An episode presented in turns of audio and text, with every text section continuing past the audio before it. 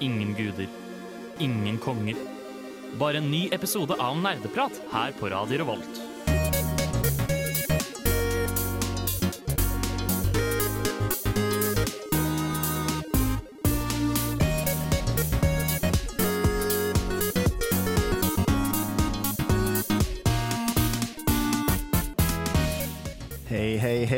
Velkommen tilbake til en ny episode med Nerdeprat.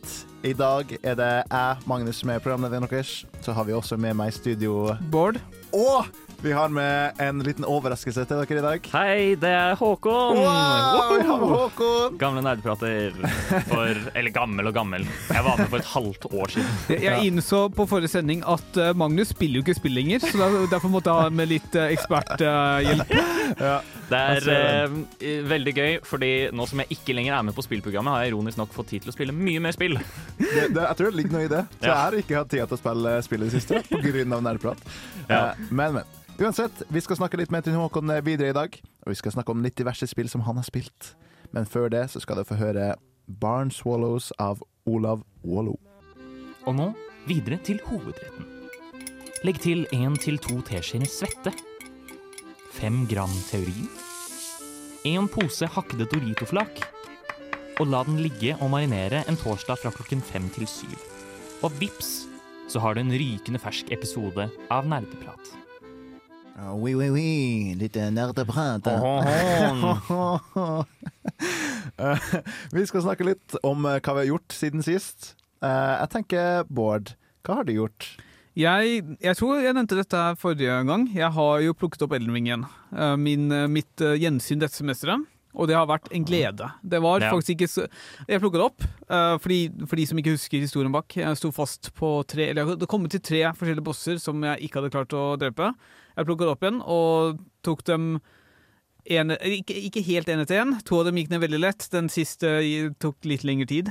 Du Og det trengte var ikke noe, bare en pustepause? Ja, altså den første var jo ikke så veldig vanskelig, og nummer to var egentlig bare frustrerende. Og så, litt, så lenge jeg bare var litt mer påpasselig, så gikk det fint. Og den andre var ok, det tok mer tid, fordi det å kjempe mot flere syke samtidig er frustrerende. Men var det her Altså, Satt du fast før eller etter du fant ut at du var for god i spill?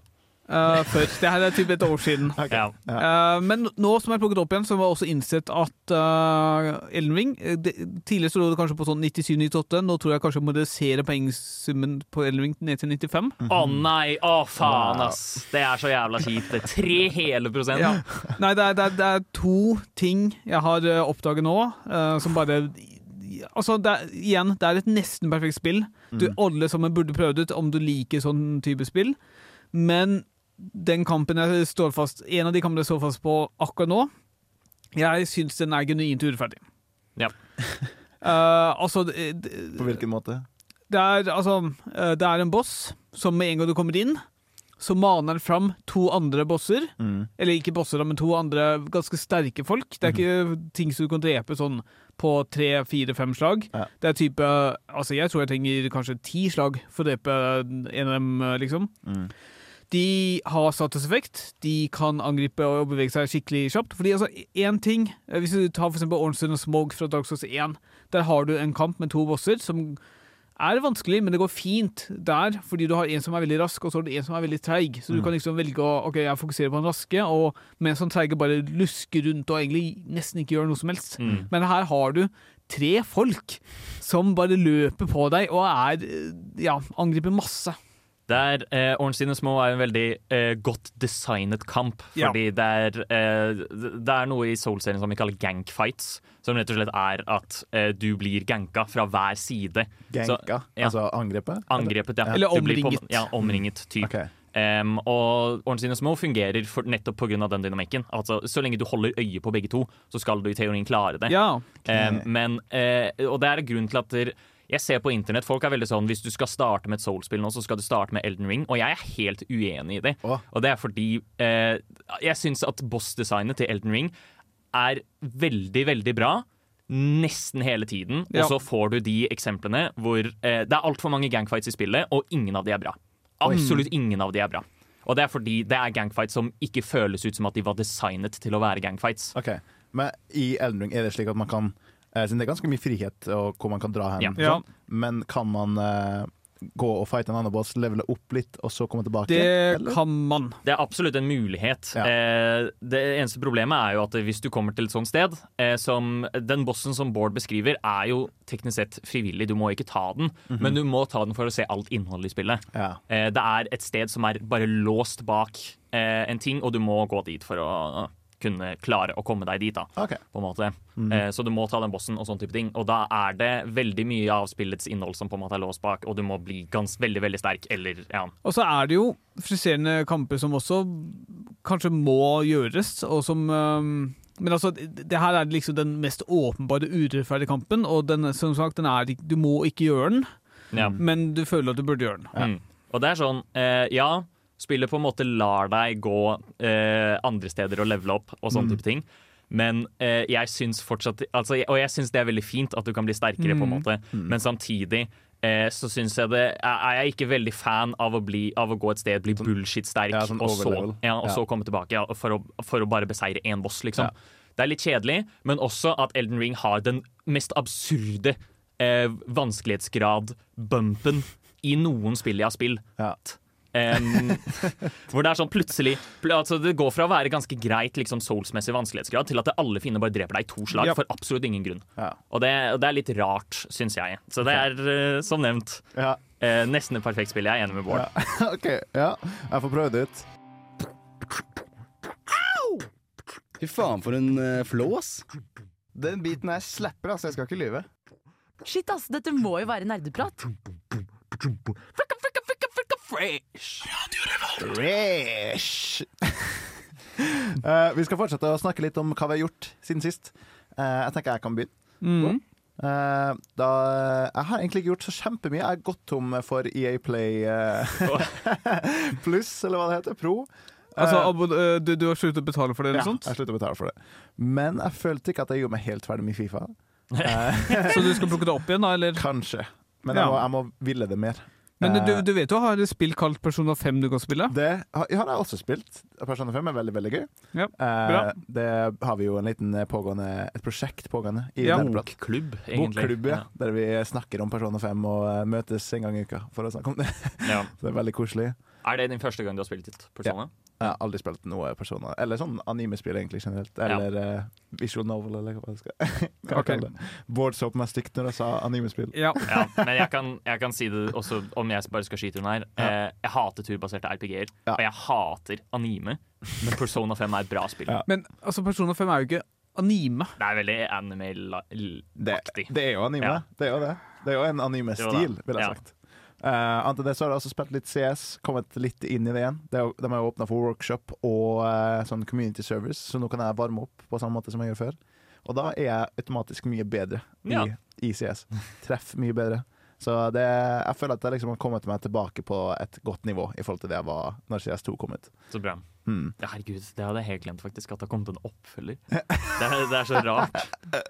Ja, men Det har ikke bare kommet en oppfølger, de har jo fjerna CSGO. Ja. Så liksom, det er bare det som er CS nå. Ja. Så det, det er litt synd. Men uh, jeg syns det er veldig gøy. Men det, Trym Håkon, hva har du gjort? Jeg har jo en hel haug med andre spill jeg skal prate om. Ja, men ja, ja. eh, da kan jeg prate om noen spill jeg har spilt bare lite grann. Okay. Eh, ikke rukket å få et helhetlig inntrykk av, men som jeg likevel syns var veldig kult. Det første er et spill som heter Rollerdrome. Å, Um, som da er um, man, det, best, det er vel en arena shooter Med rulleskøyter? eh, hvor du ruller på skø- rulleskøyter. Ja. Ja, og så skal nice. du trikse Du må trikse for å liksom reloade eh, okay. og sånne type ting. Og så er det bare om å gjøre å drepe alle som er ute på eh, du, du får basically en gigantisk skatepark Ja. for hvert eneste oppdrag. Og så skal du eh, rulle på skøyter, Mm. eh, trikse for å reloade, og så skal du skyte alle folka. Og så skal du prøve å gjøre det hele så stilig som mulig Ja. for å få høyest poengsum. Okay. Ja. Um, og da er det liksom Det er oppdragsbasert og Mm. sånne type ting. Eh, men du får jo også en score for hver eneste ting. Så jeg, jeg har jo ikke kommet så veldig langt, og det er fordi jeg syns at spillmekanismen er så gøy at jeg Mm. Jeg har prøvd å bare få den beste mulige scoren jeg kan på de banene jeg har spilt. du har spilt det som Tony Hawk Pro Skater? Ja, typ? basically. Mm. Ja. Mm. Um, det er veldig gøy, og uh, jeg ser ikke så veldig mange prate om det. Nei. Så det er også en grunn til at jeg ville vil, vil prate om det her. Ja. Anbefaler det hvis du syns at uh, sånne spill er kult. Ja. Og så kan jeg snakke veldig kort om et annet spill. Det er en oppfølger til et spill jeg har snakket om på, på Nerdeprat tidligere. Slime Rancher 2. Oi! Ja. Ja. Det er veldig sånn uh, søtt spill. Ja, veldig hyggelig, helsomt. Eh, du bare du, du fanger slim, og så setter du det i innhegninger, og så mater du de, for, fordi da, da lager de sånne små plorts. Og du selger plortsa for å få cash, sånn at du kan lage større gårder for å ha mer slim. Ja. Mm. Det er, er det, på, det er på Switch, er det ikke? eh, Jo, men jeg spiller på PC. Okay. Ja. Eh, det er vel i Early Access Ja, akkurat er, nå. er toeren på Switch også? Nei, det tror jeg kanskje ikke. Men okay. eneren er på Switch. Ja. Men eh, toeren kommer sikkert på Switch etter hvert. Mhm. Det har vel nylig fått en oppdatering også. Eh, de holder på å bygge det videre, på en måte. Hva, er, hva er forskjellen på toeren og eneren? Eh, det er nye typer slim, og så okay. er det helt nye områder. Ok. Men det er jo bare mer av det samme. Det er mer av det samme, men Mm. eh, jeg syntes Slime Manager 1 var utrolig koselig og utrolig chill, og veldig gøy å utforske rundt omkring. Så det er litt som CS, da, bare det er nye maps og Ja. nytt slim. Uh, toeren finnes vel også på GamePass, og mulig eneren også. For jeg testet Ja. toeren på GamePass, og det Ah. var eh, igjen mer av det samme. Så hvis du ikke har spilt noen av dem, bare plukk opp Slime Manager 1 nå på salg, og så spill toeren når det kommer ut. Eller når du er ferdig med eneren. Det er, Begge er veldig bra, og jeg, jeg elsket Slime Manager 1, og jeg har hatt det veldig kos med Slime Rancher 2 hittil. Og det er noe veldig gøye Altså eh, da, For å nevne én ny slim da, som de har lagt til. De har lagt til anglofish-slim. Altså en, en sånn derre Ja, med sånn lys der fra- antenne Sånn, ja, sånn lokkelys Ja. og sånn type ting. Og han blender andre slim. Okay. Okay. Så, så, så, så han er litt kjip å på en måte sette inn i innhegninger med andre slim, fordi han Ja. bare blender dem hele tiden. Ja, Det blir sikkert litt dårlig stemning, Ja. kanskje? Eller? Ja. Nerdenytt.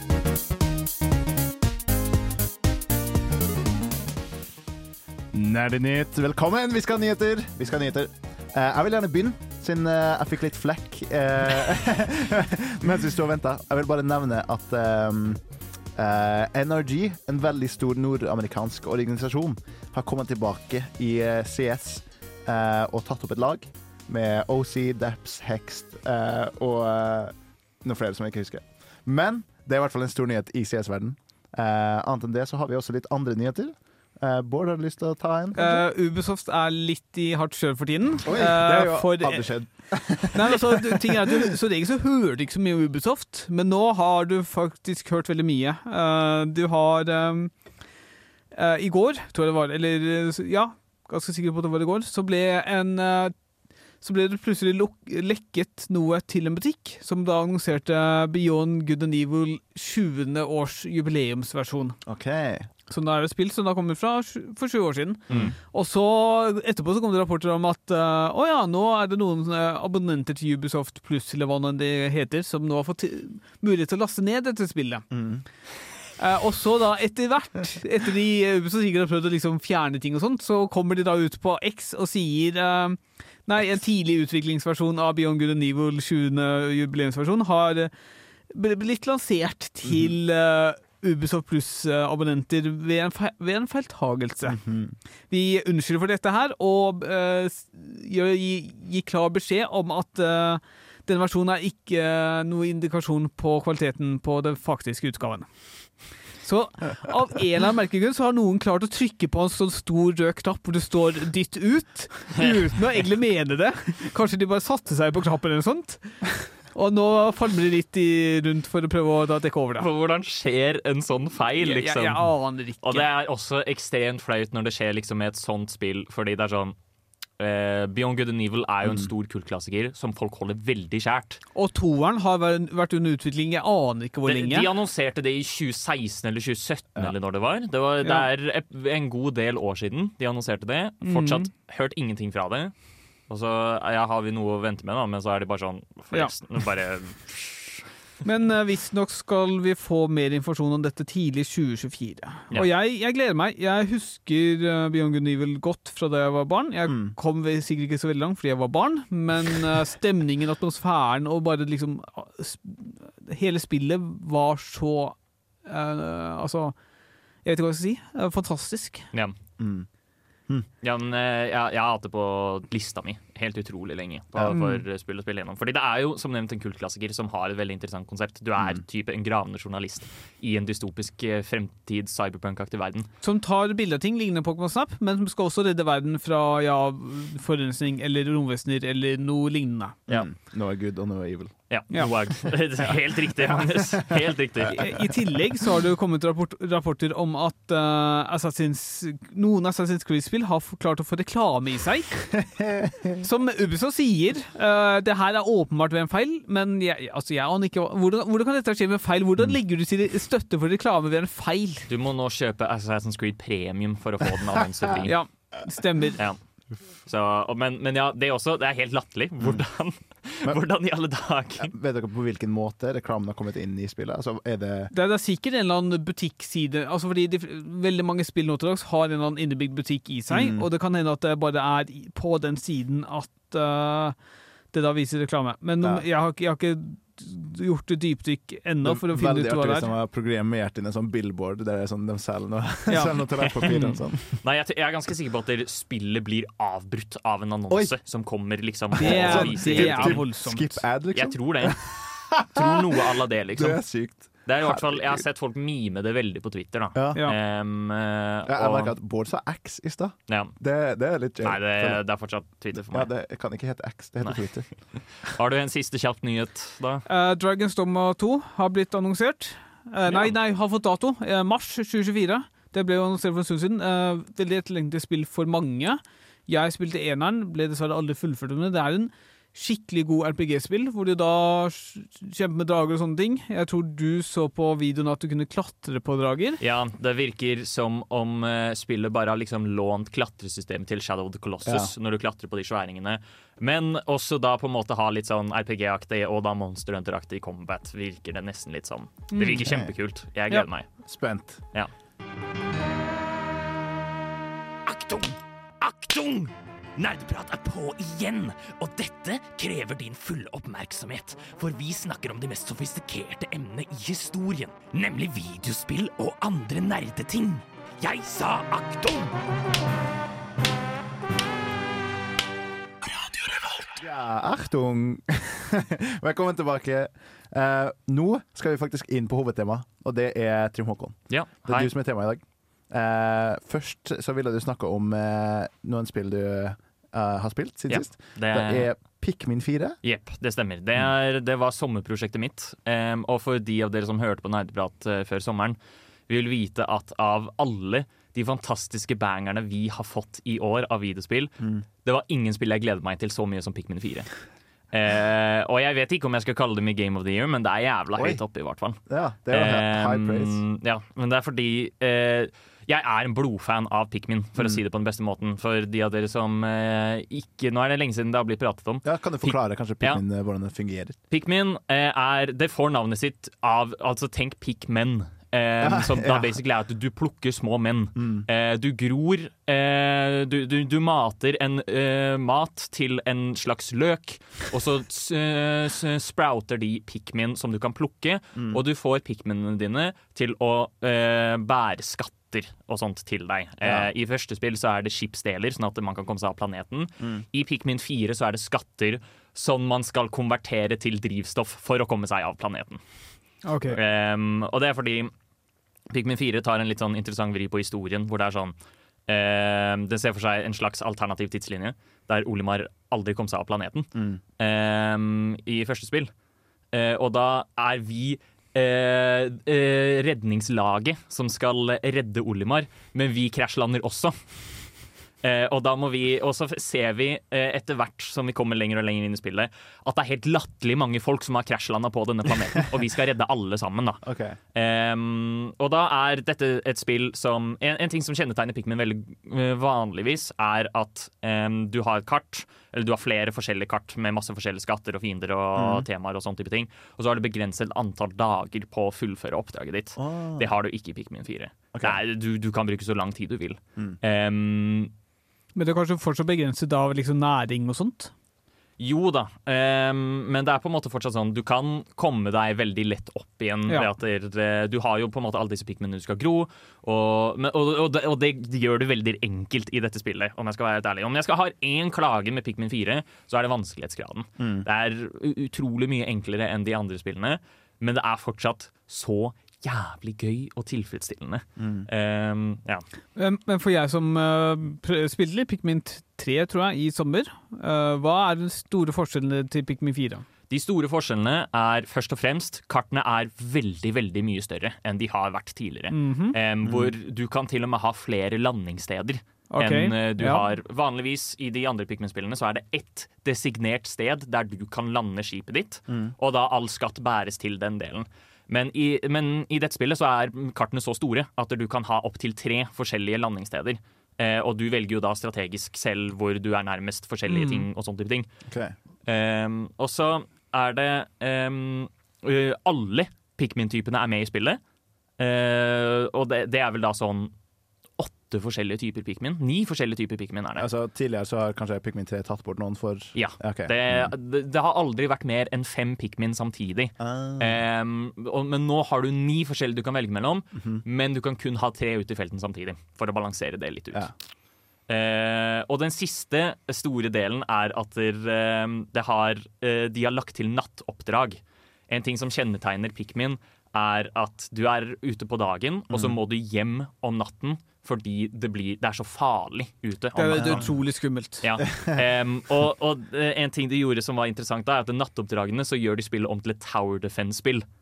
Em, Der du i stedet Du har liksom to sånne maurtuer, basically, Ja. som uh, du skal beskytte fra en hel haug En stor sverm av livsformer liksom, som skal bare ødelegge disse maurtuene. Eh, og det er så stressende og så gøy. Men har det tatt den retningen som Pokémon har tatt? At det på en måte det, Jo nyere spill, jo lettere er det? på en måte? På en måte, men samtidig, når du kommer liksom sent, sent ut i spillet, så eh, plukker det seg opp i vanskelighetsgrad. Siste boss, jeg tror jeg mistet 70 pikmin. Oi! Eh, som var helt sjukt, fordi det meste jeg hadde mistet av pikmin fram til da, var sånn 10. OK, Og så kommer denne bossen og gjør ett angrep, og så mister jeg 40 samtidig. det er sykt. Det var helt vilt, og det var så kult. Eh, men også en annen ting jeg liker veldig veldig godt, og det er kanskje favorittdelen min, da, er at eh, spillet har inkorporert veldig veldig tett inn i gameplay-loopen det som kalles Dandori challenges.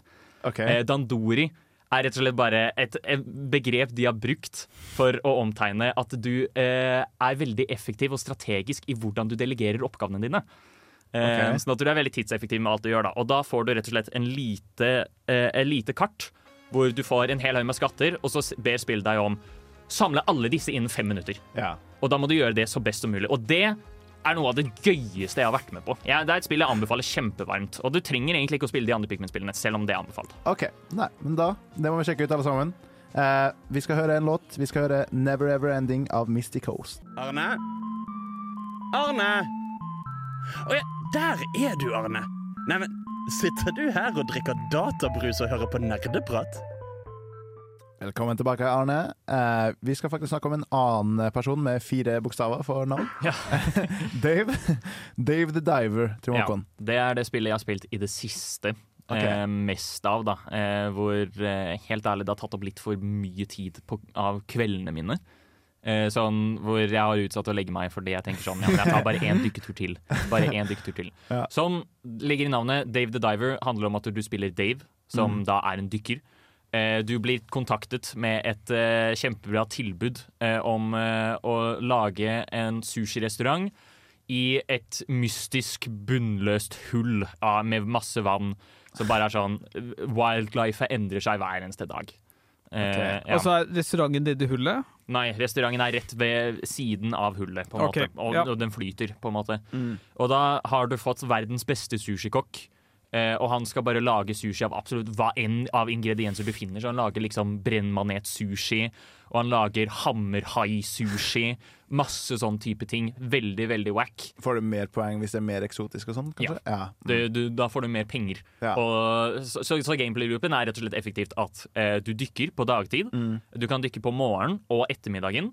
Og da eh, fanger du fisk. Eh, du har så og så mye du kan bære av gangen, på en måte. Og Mm. hvis du drukner eller du blir Ja, sånn type ting, så kan eh, Så mister du alt du har, da. Ja. Utenom én ting. Du kan beholde én ting.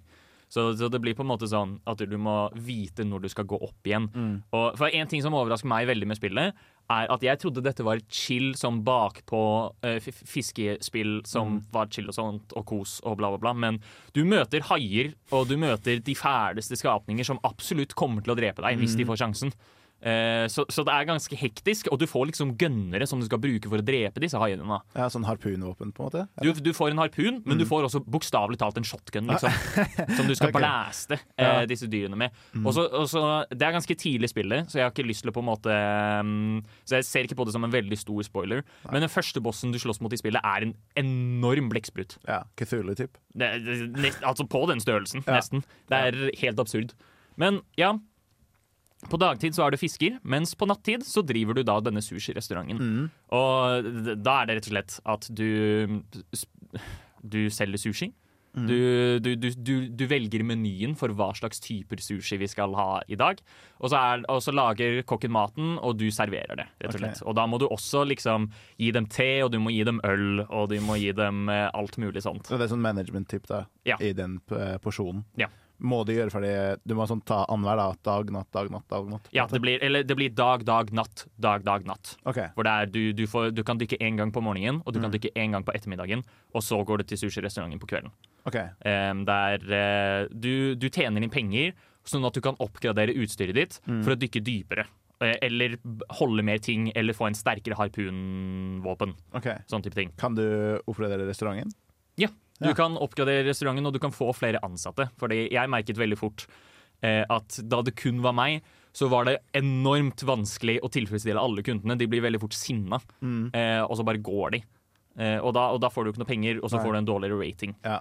Men, så fort, men eh, du, du får penger, og da kan du bruke det på å ansette nye folk. Og da kan du også liksom få større oppslutning og større rating og Ja. alt mulig sånt. Jeg ser den, altså denne, akkurat den biten med restauranten høres litt ut som eh, Jeg vet ikke om dere har spilt Penguin Diner? Nei. Hva er det for noe? Det er et uh, flashspill. Der man eier en restaurant og på en måte må oppgradere restaurantene for at det ikke skal skje akkurat som det du snakker om, at eh, gjestene går, og du får dårlig rating, og Ja. du får ikke penger. Så eh, det er liksom samme konsept som eh, den restaurantbiten, da. Ja. Men det morsomme er jo at du må dykke etter maten selv. Ja, du, du fanger all maten, og du fikser all maten på den måten. Og det er også en sånn eh, balansegang der av når du skal bruke penger på restauranten, Ja. sånn at du kan tjene mer penger, Mm. og når du skal bruke penger på utstyret ditt. Fordi det er det som eh, gatekeeper deg fra å komme videre i spillet. Fordi det er faktisk en historie i spillet. Men du trenger vel også bedre utstyr for å tjene mer penger ved å fange Ja. mer ting Mm. og Det er, eh, hvis du har en svak harpungun, så er det veldig mye vanskeligere å fange større fisk. Mm. Ja. Eh, det, du må skyte dem, du må liksom gjøre dem litt svake før de faktisk kan fanges, på en måte. OK. Ehm, så, så det lønner seg å investere i det. Men også Mm. at du må investere i dykkerdrakten din for å dykke enda dypere. Ja. Det dypeste jeg kan dykke nå, er vel 300 meter dypt. Det er ganske dypt. Eh, det er ganske dypt, men eh, så vidt jeg har forstått, så er spillet også veldig stort, hvor du kan dykke veldig, veldig langt ned. Ja, så det, har, er det, det er en avslutning, på en måte, som Ja, man når Og det er fordi det er også en historie i spillet. Ja. Det er sånn, Alt det du gjør her, på en måte, det er på en måte drivkraften, altså grunnen til at du kommer dit. Mm. Men når du dykker ned, det er der handlingen skjer, og det er jo at det er liksom sånn et gjemt sjøfolk. Okay. Og en eh, eldgammel sivilisasjon som minner om Atlantis, på en måte. OK. Det er veldig kult, Ja. og jeg skal ikke røpe uh, noe som helst av det her, Nei. men uh, jeg, jeg var overrasket over uh, hvor, stor historie, hvor stor del historien hadde Ja. i spillet. Jeg ser den. Ja. Ja. Det er kjempebra spill. Jeg Ja, anbefaler jeg skal, veldig. jeg skal sjekke det ut. Det skal jeg. Jeg må bare få gjort ferdig Hades først. Før det, vi skal høre en låt. Vi skal høre MC Lenge av Skogli og MC Magnus. 360 no scope. Mountain Dew og Doritos. 420 Blaze It. Mom, get the camera. Nerdeprat på Radio Revolt.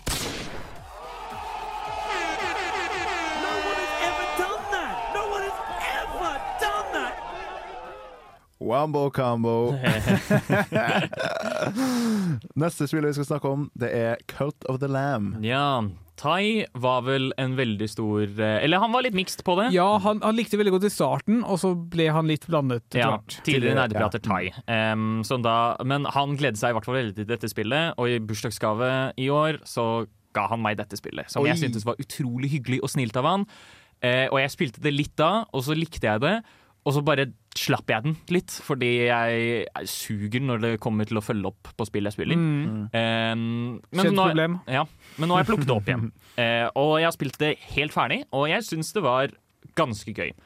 Cult of the Lamb, for å forklare det, rett og slett er uh, at du spiller et lam som er i ferd med å bli ofret.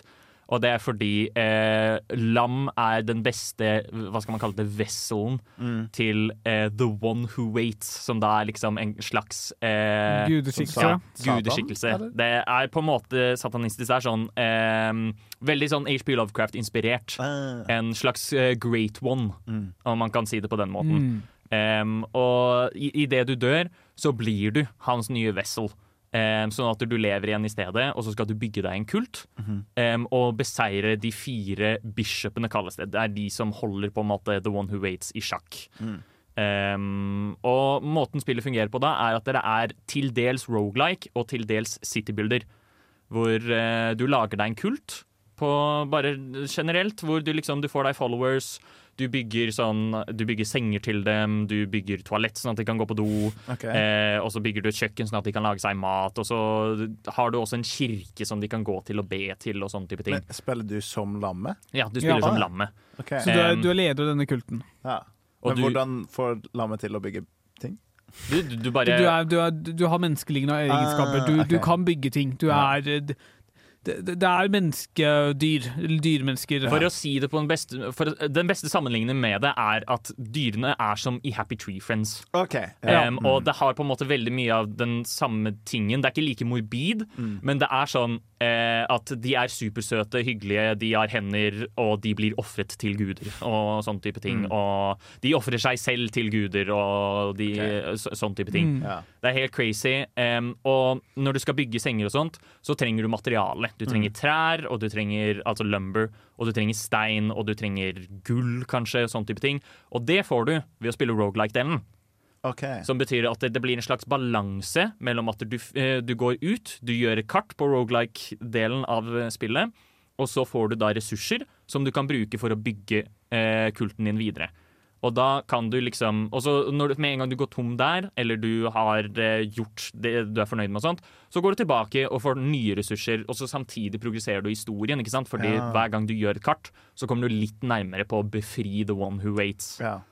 Eh, så Og det er målet på en måte med spillet. det er på en måte målet. Det er det du har blitt rekruttert til å gjøre. Ja. Eh, som lammet. Du, mist, du kom jo deg unna døden fordi The One Who Waits ga deg den røde kronen. Mm. Og da har du muligheten til å slåss tilbake mot disse folka. Okay. Um, som rogelike så syns jeg det helt ærlig var litt wonky og ikke så veldig gøy å spille. Og combaten eller altså det, det var på en måte helt greit, da, men combaten var litt wonky og litt dum.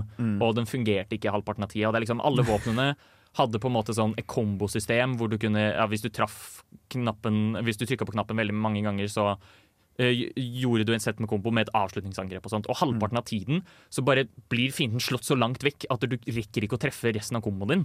Uh, altså det bare Det, det var litt meningsløst, det kombosystemet. Jeg følte ikke det ga så mye. på en måte. Ja. Mm. Um, og akkurat det var på en måte litt med. Men oh my god, jeg ble helt avhengig av citybuilder-aspektet. Det var så gøy, og det, det, det var så tilfredsstillende i hjernen min å bare se devotion-talla gå opp. Eh, fordi du, Jo høyere devotion du får fra dine følgere, jo flere fasiliteter kan du bygge. Og da bare liksom Jeg grodde kulten min til å bli den største, fuckings mest eh, effektive kulten den kunne være. Hvor liksom vi hadde tre utedoer. Eh, vi hadde en egen, ja, egen kirke som vi framførte ritualet i hver eneste dag. Um, og, så, og så var det liksom noen som arbeidet her nede, og så var det mange som bedde rundt omkring. Og jeg hadde, ja Det var bare Det var så gøy. Det var så sinnssykt gøy Ja. og tilfredsstillende å bare gjøre det. Og så er det så søtt spill. OK. Så um, Det er i hvert fall en anbefaling, da. ja, jeg anbefaler det godt. Og Og det, er, til nerdeprat i thai. Ja. også. det er i all hovedsak pga. citybuilder-aspektet. Ja. Å, helvete! Jeg må forte meg! Det er en ny episode av Nerdeprat. Det kan jeg ikke gå glipp av.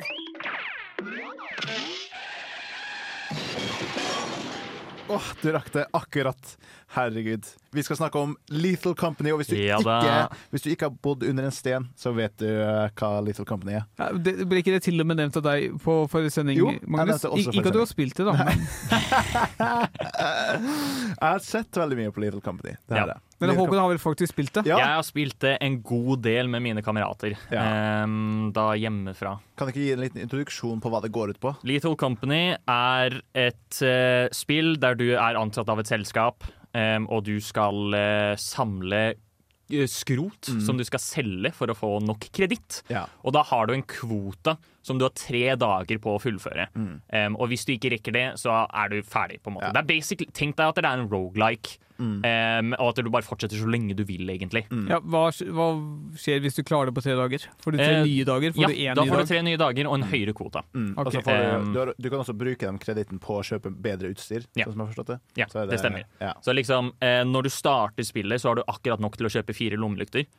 Um, men etter hvert som du får mer, da, så kan du kjøpe walkietalkie. Boombox. Eh, du kan kjøpe boombox, ja. Den, den er vi veldig glad i. Ja, hvorfor vil jeg ha fire lommelykter? Holder Fordi, ikke med én? fordi Nei.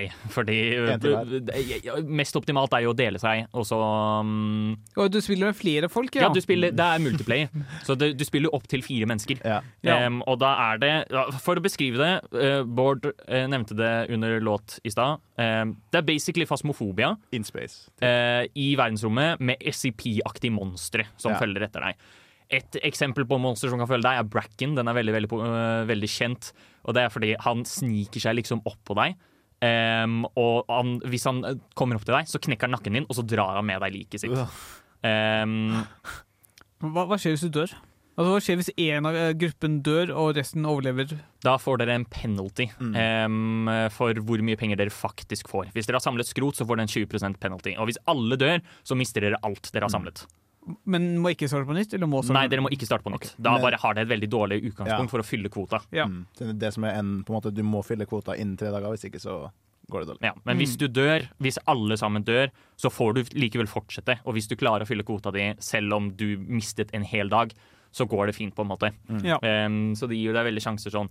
Grunnen til at Lethal Company har blitt så populært, er fordi det er det gøyeste fucking spillet i verden. Altså, det er super Altså, det er veldig skummelt, og det er uh, veldig, veldig fælt å gå rundt inn, inni disse korridorene. Em, fordi sånn det er da at du lander på en måne, og så er det liksom utendørs og sånt, men du skal gå inn i et bygg, og der finner du masse skrot som du kan hente og sånt. Men inne i dette bygget så er det også mange monstre. Og veldig mange korridorer og sånn veldig smale ganger du må gjennom. Ja, veldig, veldig sånn. Og så er det gjerne veldig mørkt. Og da har du liksom sånn Bracken som nevnt, som eh, sniker seg oppå deg. Og han, eh, han, du, du må se på han lite grann for at han skal slutte å angripe deg. Eventuelt så har du Det er en sånn slags eh, Hva skal man kalle det? Mannequin-mann. Som kun beveger seg om du ikke ser på han. Å, sånn eh, type eh, fra Doctor Who. Ja. mm, Ja. Den, eh, hva heter det? Englene. Ja, Englene. englene. Ja. Det er sånn angels. Um, men ja, og da er det Og det, grunnen til at dette er så bra, er fordi det er proximity voice. Eh, og det Ja. fungerer så fuckings amazing til dette spillet her. Um, jeg har med meg et par anekdoter fra spillet som ehm, jeg har hatt det liksom, For å virkelig vise hvor gøy dette fungerer. da Den første var aller første gang jeg spilte. Um, da var det en lynstorm utenfor. Um, I virkeligheten? Uh, nei, i, I inni spillet. Ja. Vi hadde samlet en del skrot, og det, det lyna masse sånt. Og hvis du holder metall, eh, så slår lynet ned i deg. Um, og først så slo ned, lyden ned i den ene kompisen min, Alec. Eh, og så eh, vi, vi bare så på det skje. Eh, og så har Sigurd, min andre kompis, tenkt til å forklare meg hva vi skal gjøre i prosessen. Og midt i setningen blir han slått ned. Rett etterpå. og da bare sto jeg der helt hjelpeløs. Jeg visste ikke hva jeg skulle gjøre. Det var utrolig gøy. Men ah, det, du kan også stemme når du er død, for å bare få skipet til å dra? ikke Ja, sant? det stemmer. Så hvis, eh, hvis uh, dere ligger veldig dårlig an, så kan du stemme for å dra tidlig. Em, en annen historie var at vi drev uh, Vi var på vei inn i bygget, em, og så lagde vi masse sånn Mario-lyder. Og bare lo masse og tulla og alt det pisset der. Um, og så er det to stykker som går inn sånn et halvt sekund før meg. Og når jeg har kommet inn døra rett etter dem, så ligger de dau, og det brenner overalt. de bare, fordi de hadde tråkket på en landmine som sto rett innenfor døra. Og det var så gøy, fordi jeg så dem leve et halvt sekund siden, og så bare hadde så mye kaos skjedd. og den siste, den siste historien nå, åh, som også var veldig gøy, det var at vi var tre stykk som eh, spilte, og så hadde én Eller vi var fire stykk som spilte. Én hadde dødd, og så andre hadde kommet oss til skipet. Um, og så prøver vi å se på kartet da, for om han lever. Man kan se liksom en monitor Ja, over ja. folk. Eh, og om de beveger seg, så lever de, mest sannsynlig. Og om de står helt stille, så er de døde, mest sannsynlig. Og da, da, da satt vi og pekte på skjermen og lo høyt. Men da var det såpass sent at det hadde spåna en hundefiende som reagerer på lyd. Oh. Så, Så mens vi sitter og ler, så bare kommer den hunden løpende inn og fucking spiser han ene, så må vi bare lette med en gang. Ja, så De kommer jo inn i skipet hvis du ikke Ja. er forsiktig. Du må Det- lukke igjen døren og alt sånt. Ja. Du blir jaga. Og det var så gøy at liksom, vi sitter og ler, og så skjer karma umiddelbart. Sjekk ut Lethal Company. Det er, det, så bra. Det, er, Det er så bra. Det er veldig gøy. Vi skal nå høre fra en mann som er veldig langt unna hva han syns om programmet Nerdeprat på Radio Revolt. Nerdeprat er veldig gøy! Vi snakker om nerdeting og dataspill! Sånt liker jeg! Tusen takk! vi, vi skal snakke om Chance of Senar. Mitt eh, beste spill dette Ja, det er ut- helt uten tvil. Ja. herregud. Tenk det når CS2 har kommet ut, og så velger du Chance of Senar. Og, og så vil jeg bare sånn umiddelbart si at jeg skal ikke røpe ting nødvendigvis, Mm. men jeg tror jeg og Håkon har veldig lyst til å diskutere om noen designvalg Ja. som når vi prater om det, vil det gjøre spillet veldig mye enklere å klare. Kjør på. Ja, Så hvis vi vil være gå inn blind, som du absolutt burde, Oh, så kan ja. du hoppe fem, sekunder, fem minutter fram i tid. Hvis jeg skal pitche Chance of Sunna veldig veldig kjapt, Ja. så er det at det, det er et spill med en lingvistisk antropologisk vri. okay. eh, ved at du kommer til et sted, eh, og du skal utforske områdene, og du skal løse gåter, og du skal prate med befolkningen og bli kjent med kulturen. Ja. Men catchen er at du kan ikke språket. Ja. Eh, og at det, du, det krever en ganske stor forståelse av dette språket for å komme deg videre i spillet. Mm. Eh, som da virker som en ganske håpløs oppgave. Men grunnen til at Chance of scenario fungerer så sykt godt, er fordi spillet legger opp at du skal finne ut hva ordene betyr på en så utrolig smart og tilfredsstillende måte. Det er veldig mange visuelle hjelpemidler. Ja.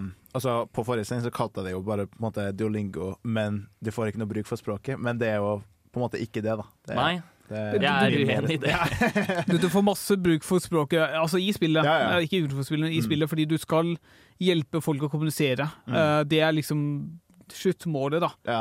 Og så det, det er ikke kun lingvi- lingvistikk heller. Det er, lingvistikk hjelper deg veldig mye, men det er også det å type se mønstre og Ja. kunne skjønne hva er det som liksom blir referert til i dette stedet her. Det er nettopp det. Og det er sånn, fordi Hensikten med Chance of Scenar er ikke at du skal lære deg språket for å lære deg språket. Duolingo så liksom er på en måte Det er pugging med gloser og alt sånn type ting her. Men her er det på en måte du skal deciphere et språk som du ikke har noen som helst forståelse for. Ja. Em, og da blir det jo gjerne å se på liksom sånne ting som for eksempel For å ta en veldig enkel en, da. Du møter eh, eh, den første stammen, eh, og, så sier, og så starter de ofte eh, med én spesifikk glyff når de ser deg. Kanskje det betyr hallo, Ja. for eksempel. Ja. Mm. Eh, og det, er- det, det er sånn type visuelle ting hele tiden. Og liksom eh, du, du skal trekke slutninger, da, på en ja. måte. Du må ha litt logikk rundt det. Ja. Og så er det sånn når du har blitt eksponert til en viss mengde Jeg, jeg har ennå ikke skjønt logikken for det sånn helt og holdent, men når du etter blir, bevis, blir eksponert for en viss mengde liksom gloser eller tegn, så, får du, så begynner du å notere boken din ok, hva kan disse, dette settet her med ting være oversatt med. Og da kan du da få bekreftet dine antakelser. Fordi underveis så kan du også bare manuel, skrive notat. ok, dette her tror jeg betyr dette, dette tror jeg betyr dette her. Ja. Og på den måten så kan du da på, på en måte få en mening ut av den setningen du ser, uten å helt få det bekreftet. Du må bare bruke liksom antagelser og bare prøve det fram, da. Ja, for eh, du, når du på en måte snakker med en person, så får du jo liksom opp glyffene og tegnene som det viser til, men du kan skrive selv eh, hva du antar på hvert enkelt tegn, og da vil du jo få en tydet setning, på en måte. Men eh, etter hvert så vil du da også få muligheten til å oversette disse. Eh, jeg først tenkte at det, det hadde vært kulere om det ikke var med, men det er absolutt nødvendig når det er puslespill. Mm. Ja, og det, det ville vært for tidkrevende å måtte referere. Altså, ja. Jeg, jeg, de har gjort det på en veldig god måte, fordi og det, er, det, er, det er kun noen få ganger hvor du føler at du liksom vet nøyaktig Eller altså, jeg i hvert fall Ofte så var det et veldig bra tidspunkt hvor de, de notatene kom opp, og hvor du faktisk kunne da desifrere folk. Enten så ofte så bare visste du nøyaktig hva det var, og da kunne du bare putte det inn. Og så noen ganger så var det litt usikkerhet, da. Ja. Men det var en veldig god balanse mellom det her, nå har jeg full peiling, og nå har jeg litt usikkerhet. Det er en så ufattelig tilfredsstillende eh, puslespill. Mm. Og, og, liksom, og den følelsen du føler når du faktisk klarer å finne ut hva det betyr, før spillet gir deg hintet om at det betyr det. på en måte. Ja. Det, er, det, er, faen, det er så nice, liksom. Og så bare det at du Og så plutselig så finner du ut at uh, to forskjellige språk har eh, ord for det samme tinget, du kan begynne å liksom oversette mellom dem. Ja. Det at du kan liksom trekke, se på setningsoppbygning, du kan se på liksom formingen av disse symbolene, om det er noen likhet eller Ja. differanse til sånne ting. Bare for å Veldig mye metatolkning som bare gjør at ting blir mye enklere. Mm. Ja. Eh, Et annet likhetstrekk, for eksempel, nå skal jeg ta en kjapp en til. Men sånn, kanskje du legger merke til i det første språket at alle verb har et felles trekk. på en Ja. måte. Sånn type ting. Og da mm, liksom øh, lærer du deg å skjønne det mer og mer. Men er det noen grense til hvor mange språk det er? Eller er det Ja. liksom okay, ja. Det er en, det er en, en spesifikk mengde språk, ja, med Ja. spesifikk mengde tegn til hvert språk. OK, så når det er ferdig, så er det ferdig? Da, på en måte. Ja, Det er på en måte bygget levelmessig, men men eh, kjempesmart. De, det er en måte alt blir koblet på. Ja. 150-180 symboler og sånt. Ja. Noe sånt. Martin, gutten min, du må komme deg middag! Å, mamma! Jeg kan ikke sette på pause nå! Jeg er midt i en heftig episode av Nerdeprat! Ja, det er du. Velkommen tilbake. Eh, vi skal snakke om et eh, ganske stort trippel eh, A-spill, vil jeg ha sagt. Det, Ok. eh, er du enig? Nei, jeg er for så vidt enig. Det er ja. Spiderman 2, Ja. oppfølgeren til Spiderman 1 som jeg hadde på min kåring forrige uke. Mm. Ja, Eh, det er vel kun på PlayStation 5, tror jeg. Foreløpig. det stemmer. Men det kommer vel sikkert ut på andre plattformer Etter hvert. ja. Mm. Men eh, hvordan er det å spille Spiderman 2? Jeg har spilt Spiderman 2, og ehm, jeg syns at det overall er veldig, veldig bra. Mm. eh, men det har sine problemer, og det Ja, er derfor jeg også hadde lyst til å prate om det. Det er en mixed bag, men i all hovedsak så er det ganske knall. Og jeg har Mm. kost meg veldig med det hittil. Har du spilt, du har spilt ener nå? Jeg har spilt eneren også. Mm. Jeg har spilt begge to, og jeg har spilt Miles Morales-spillet også. Em, det var inkludert på PS Pluss en liten periode. Jeg nektet å betale 400 kroner for det.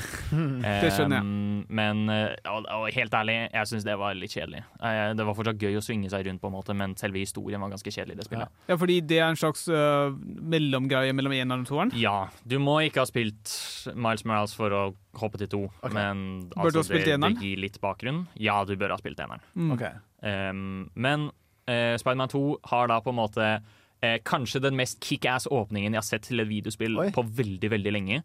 Um, med liksom et fantastisk stort spektakkel, bra kamp, liksom.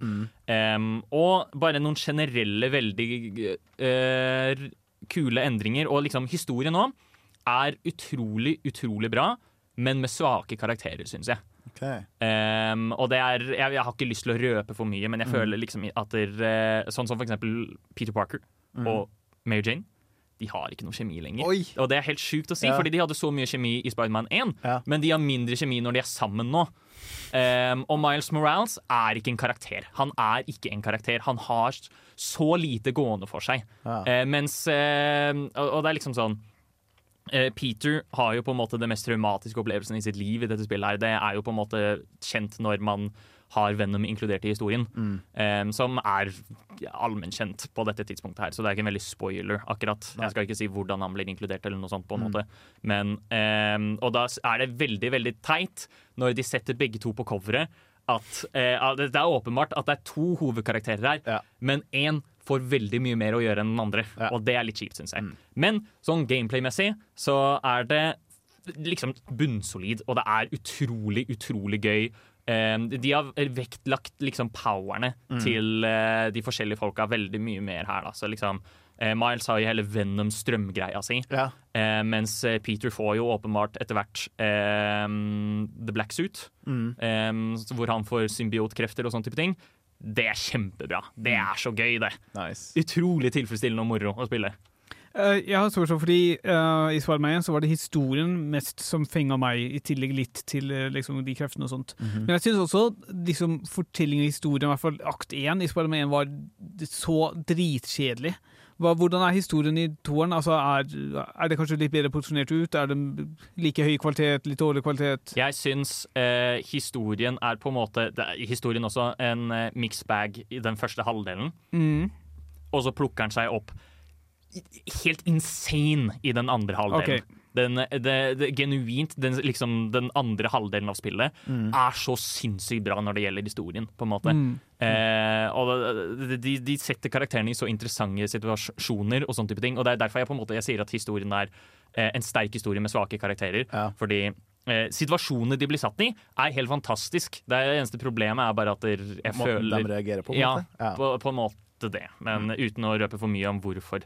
Um, en annen ting, Det er også en siste klage jeg har om spillet, og det er genuint den siste klagen jeg har om spillet. Det er at um, Og jeg føler ikke jeg kan helt klage om det heller, men sånn gadgetsa i dette spillet her er for techy. Jeg vil at de skal være mer Spiderman-aktig. Okay. De har jo en fantastisk gadget i Spiderman 1 som heter webbomb. Mm. Um, som da du, du, du skyter, og så springer den etter hvert. Og Ja. da bare webber det alle fiender som står i nærheten. Mm. um, og den er bare fjernet her, for absolutt ingen grunn. Og så er det sånn antigravitetsting. Da, sånn liksom veldig sånn Iron Man-tech. Ok, ja.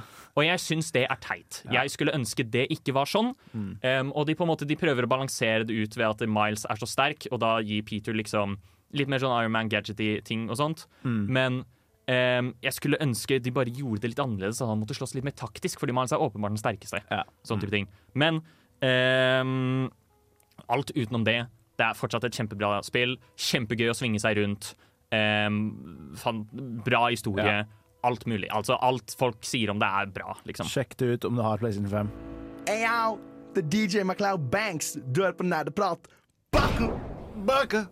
Uh, vi skal snakke om et spill som Bård ikke har hørt om. Ja, jeg, jeg så gjennom listen nå. Ja, faktisk, det det er det Det her er ikke et spill, det her er en utfordring, om man kan kalle det Oi. på den okay. beste mulige måten. Okay. Aller først, jeg, jeg må bare skyte inn veldig kjapt at jeg følte jeg var veldig negativ i Spiderman 2-tingen. Jeg må bare presisere at jeg syns det var veldig bra, og jeg klarte ikke å legge det fra meg helt til jeg spilte det- det kom fram. Ja, men, men nå var det sagt. Ja.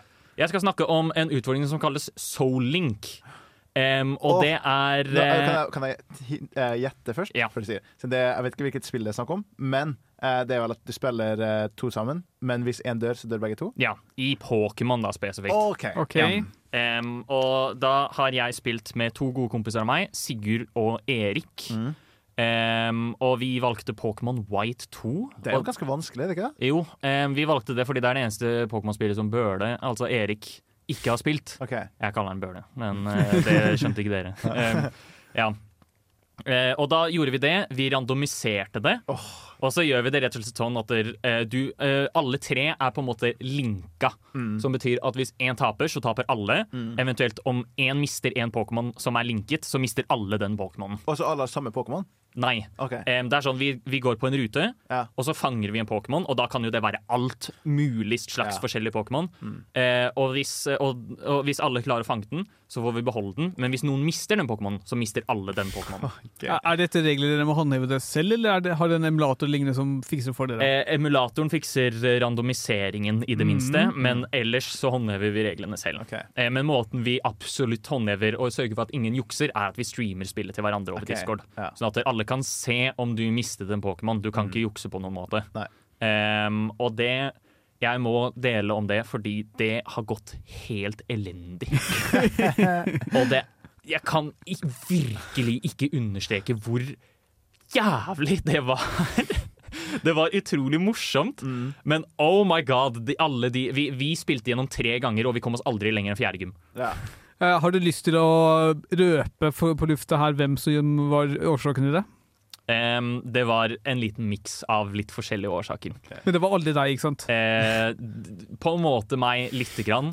Uh, vi tapte det aller siste runnet pga. meg, uh, og det var fordi jeg ble gitt den absolutt verste hånden jeg kunne bli gitt. Eh, og det var en gjengående ting gjennom hele det siste runnet, og det var at jeg fikk helt elendig Pokémon. Og motstanderne mine fikk alltid legendariske Ja. Pokémon. Um, og den aller siste kampen, den kampen jeg tapte, så kom jeg da mot altså en trener med en Probopass-Pokémon, som da er stein, stål, og jeg hadde ingen Pokémon som kunne gjøre noe som helst skade på den Pokémonen. Som betydde at han bare walla meg, og jeg kunne ikke gjøre noe som helst, og jeg døde til sandstorm.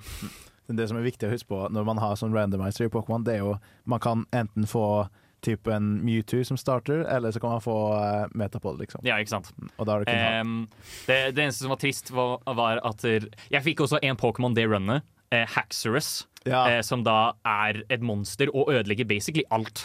Ehm, men den ble mistet fordi noen var litt uforsiktige. um, og da var jo runnet dødt, Ja. fordi jeg hadde ingenting. Mm. Um, det, men, men det var generelt en sånn ting, og det, var, det er en utrolig gøy utfordring. Og det var på en måte Jeg, jeg liker Soulings best Ja. når man på en måte henger på randen. Av at man så vidt klarer å komme seg gjennom at det skal være litt motstand, og at Mm. du skal miste de Pokémonene du holder kjærest fordi noen andre fucket opp. Det er jo det som gjør det gøy. Ja. Var det også en sånn nøsslokk? Altså det man, det, at man Hvis man ikke får tak i en Pokémon på en rute, så kan man ikke prøve igjen? Ja, Da må du videre til neste rute. Ja. Mm. Som betyr at der, og, og, det, og det var ganske krise. Det første runnet vårt Jeg tror vi aldri hadde mer enn tre Pokémon av, gangen. Mm. Fordi enten så fucket vi opp, eller så mistet vi Pokémon umiddelbart etterpå. Ja. Så da hadde vi liksom tre faste folk da som uh, kjørte seg gjennom. Og det var alltid Vi tapte alltid av noe bullshit, Mm. for å si det på den beste mulige måten. Eller utenom den andre gangen, da. Uh, fordi da kunne vi vunnet. Men eh, min gode venn Erik, som har spilt Pokémon helt siden han var kid eh, hus, eh, Vi har jo det vi kaller type chart i Pokémon. Som bare sier at denne typen er sterk mot denne typen, Ja. denne typen er nøytral mot denne typen. Mm. Han var 100% sikker på at bakketype var svak mot vanntype, når den er nøytral mot vanntype. Oh. Eh, og fordi han da brukte Og han hadde en ground-type Pokémon som får sterkere bakketypeangrep. Han kunne vunnet mot eh, den han kjempet mot, ja. eh, men han valgte et normal-type angrep istedenfor bakketypeangrep, og da tapte vi hele runnet. oh, fordi ja, han ja. Hadde husket feil. Ok, Det er litt typisk. Altså, Ja. Han angrep en water-Pokémon med ground move? Ja. OK, skjønner. Um, Da så, gir det mening. så da tapte vi til en Clamperl, Ja. som bare er den minste lille dritten, og som supersvak. Det var uh, kjempegøy. Det er jævlig gøy. Og vi spilte gjennom tre ganger. Vi klarte det ikke en eneste gang. Uh, jeg har lyst til å fortsette, men det er ikke før på veldig lenge. Fordi Ja. det var utmattende. Ja, jeg ser for meg det.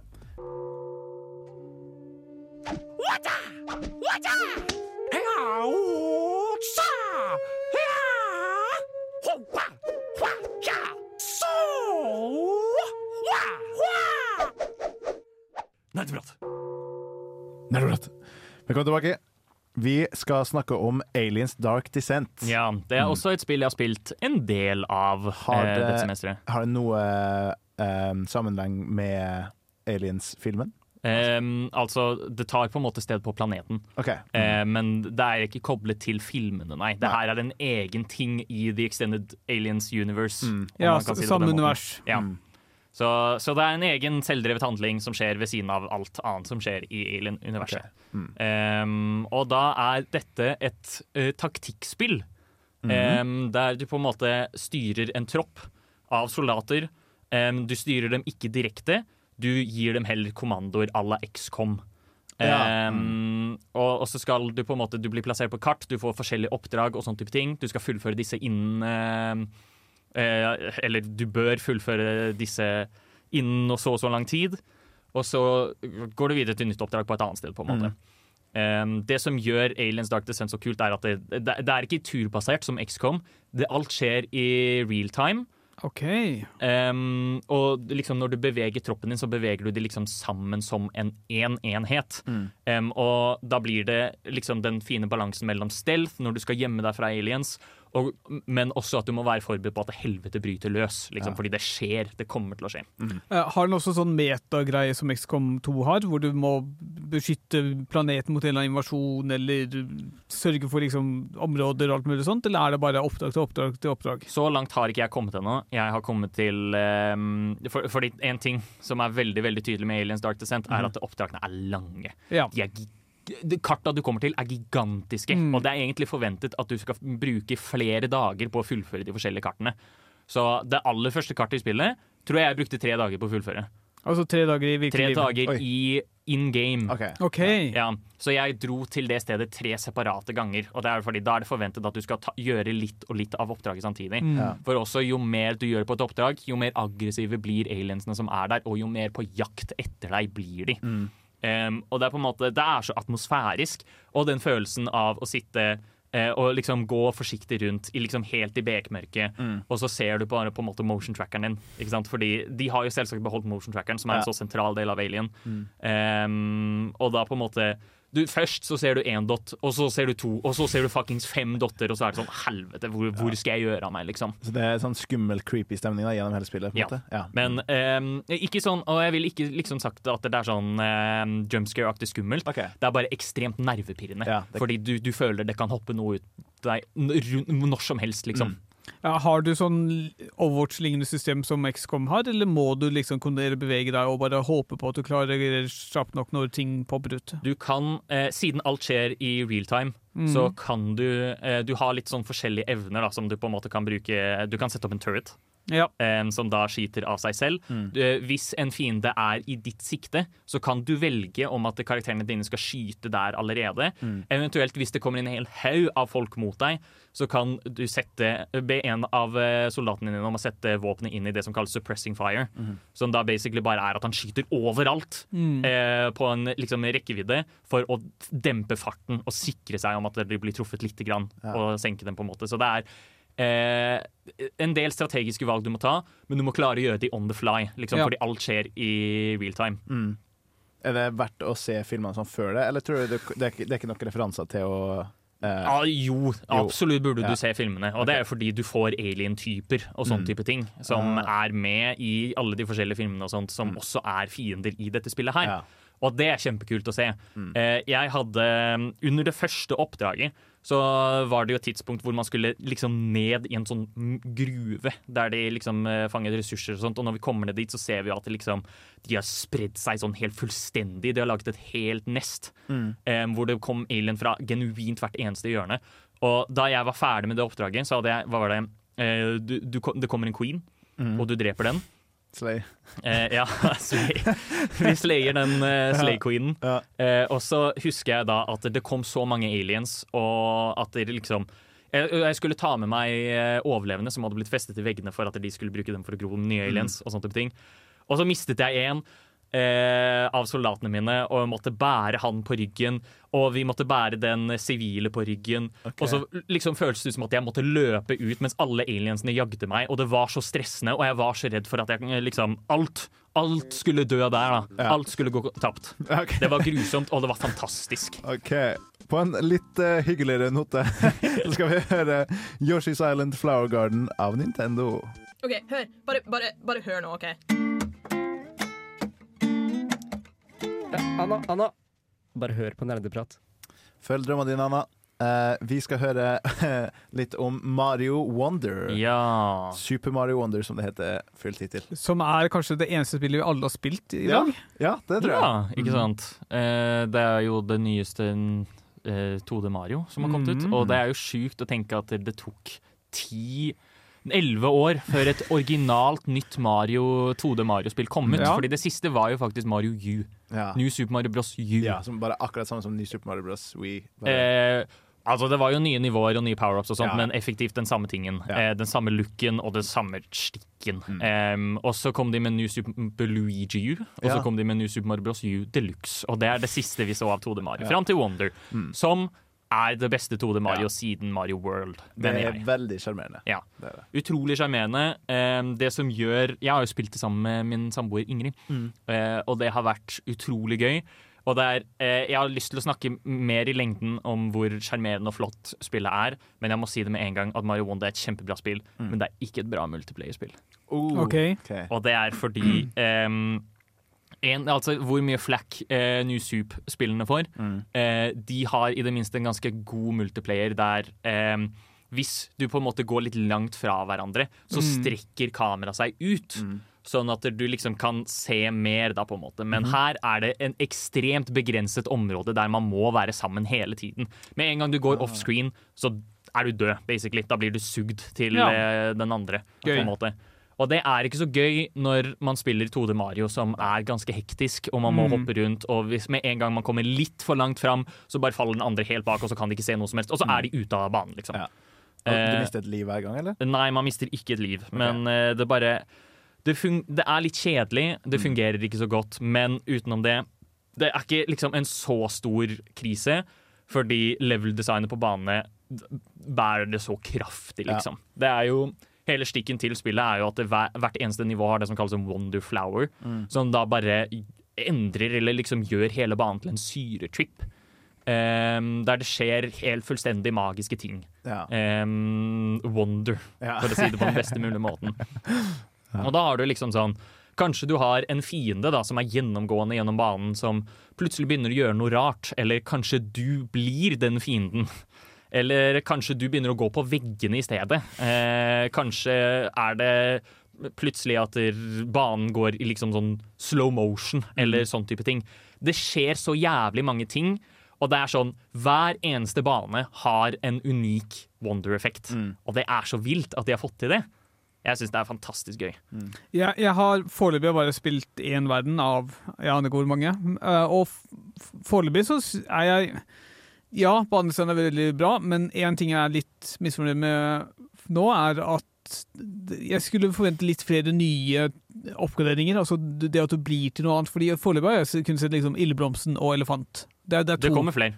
Ok. De bare har spredd dem litt lenger ut. Ja.